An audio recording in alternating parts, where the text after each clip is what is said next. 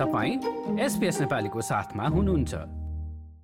लगभग तीन वर्षदेखि जारी कडा लकडाउनका कारण चीनका विभिन्न सहरका कामदार आफूले काम गर्ने स्थानमै थुनिन पुगे। अस्ट्रेलियाको भन्दा बढी जनसङ्ख्या भएका कैयन सहरहरू महिनौसम्म ठप्प हुन पुगे। चीनमा रहेका विभिन्न बहुराष्ट्रिय कम्पनीहरू सरकारी प्रतिक्रियाका कारण समस्यामा परिरहेका छन्। विश्व प्रसिद्ध कम्पनी एप्पललाई विश्वको सबैभन्दा मूल्यवान कम्पनी बनाउन भूमिका खेलेको चीनबाट अब कम्पनी बाहिर निस्कन खोजिरहेको रिपोर्टहरू केही हप्तादेखि सुनिन थालेको छ। लोई इन्स्टिच्युटकी जेनिफर सु चीनको शून्य कोभिड नीतिका कारण कामदारहरूले ऐतिहासिक सङ्घर्ष गर्नु परिरहेको बताउँछिन्। Expressing their discontent, protesting about the lockdown measures imposed upon them by the company. Um, but also prior to COVID, we've seen disruption happen at Foxconn factories across China for lack of safety measures, um, the long hours um, worked by uh, factory workers. So there's been, you know, a number of protests happening across Foxconn um, factories over the years, and these have all been documented by you know groups like China Labour Bulletin.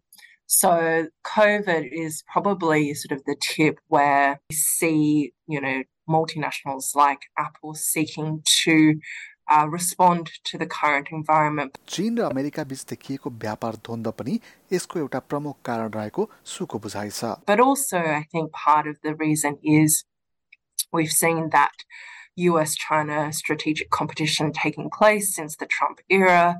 Um, and, you know, ma- many analysts are now seeing that um, taking place. Uh, the decoupling between China and um, the US in terms of um, technological dependence. So I think, you know, companies like Apple are responding to a number of pressures coming geopolitically, but also to sort of the domestic situation with China. विगत चार दशकमा निकै माथि पुगेको चीनको आर्थिक वृद्धि पछिल्लो समय केही खुम्चदै गइरहेको छ अन्तर्राष्ट्रिय मौद्रिक कोषले चीनमा सन् दुई हजार बाइसका लागि आर्थिक वृद्धि दर तीन दशमलव दुई प्रतिशत रहने आकलन सार्वजनिक गरेको छ यो वृद्धि दर सन् उन्नाइस सय सतहत्तर पछिकै सबैभन्दा कम हो Without a doubt, China's economy is slowing and zero COVID is a big um, is a big part of the slowing of China's economy.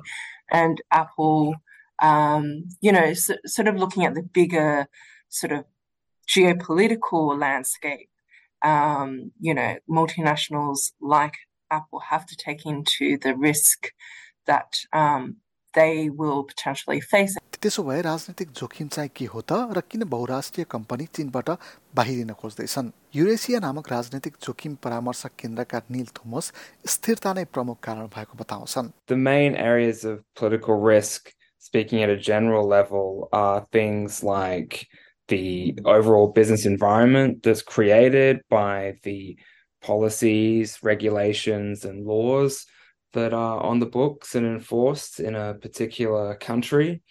Um, so, creating a, stable and predictable environment that encourages investment, trade, and um, you know, kind of private economic expansion. थोमसका अनुसार कम्पनीहरूले चीनमा जोखिमका कारकहरूका बारेमा खोजी गरिरहेका छन्.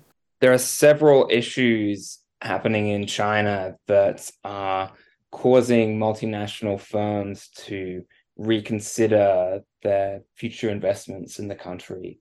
The first is a kind of secular slowdown of the Chinese economic growth rate, which means that the you know, the pace of market expansion is going to be lower than in the past. Uh, that decline in China's growth rate is partly structural, just as a you know, result of kind of moving up the the value chain and you know having already kind of exhausted a lot of the, the low hanging fruit of uh, growing off a very small uh, economic base.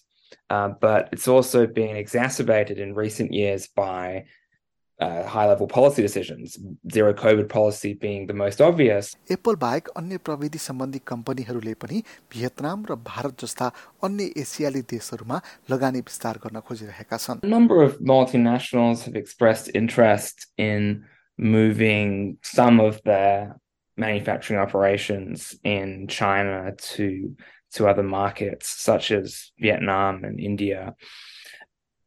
Uh, and part of that is rising political risk. Part of it's also rising labor costs in China and being able to save money by producing in, in less developed countries that have lower wages. Um, so some of it's political and some of it's market driven. चीनबाट एप्पलले आफ्ना उत्पादन केन्द्रहरू हटाउने निर्णय गर्यो भने पनि यसका लागि वर्षौंको समय लाग्नेछ।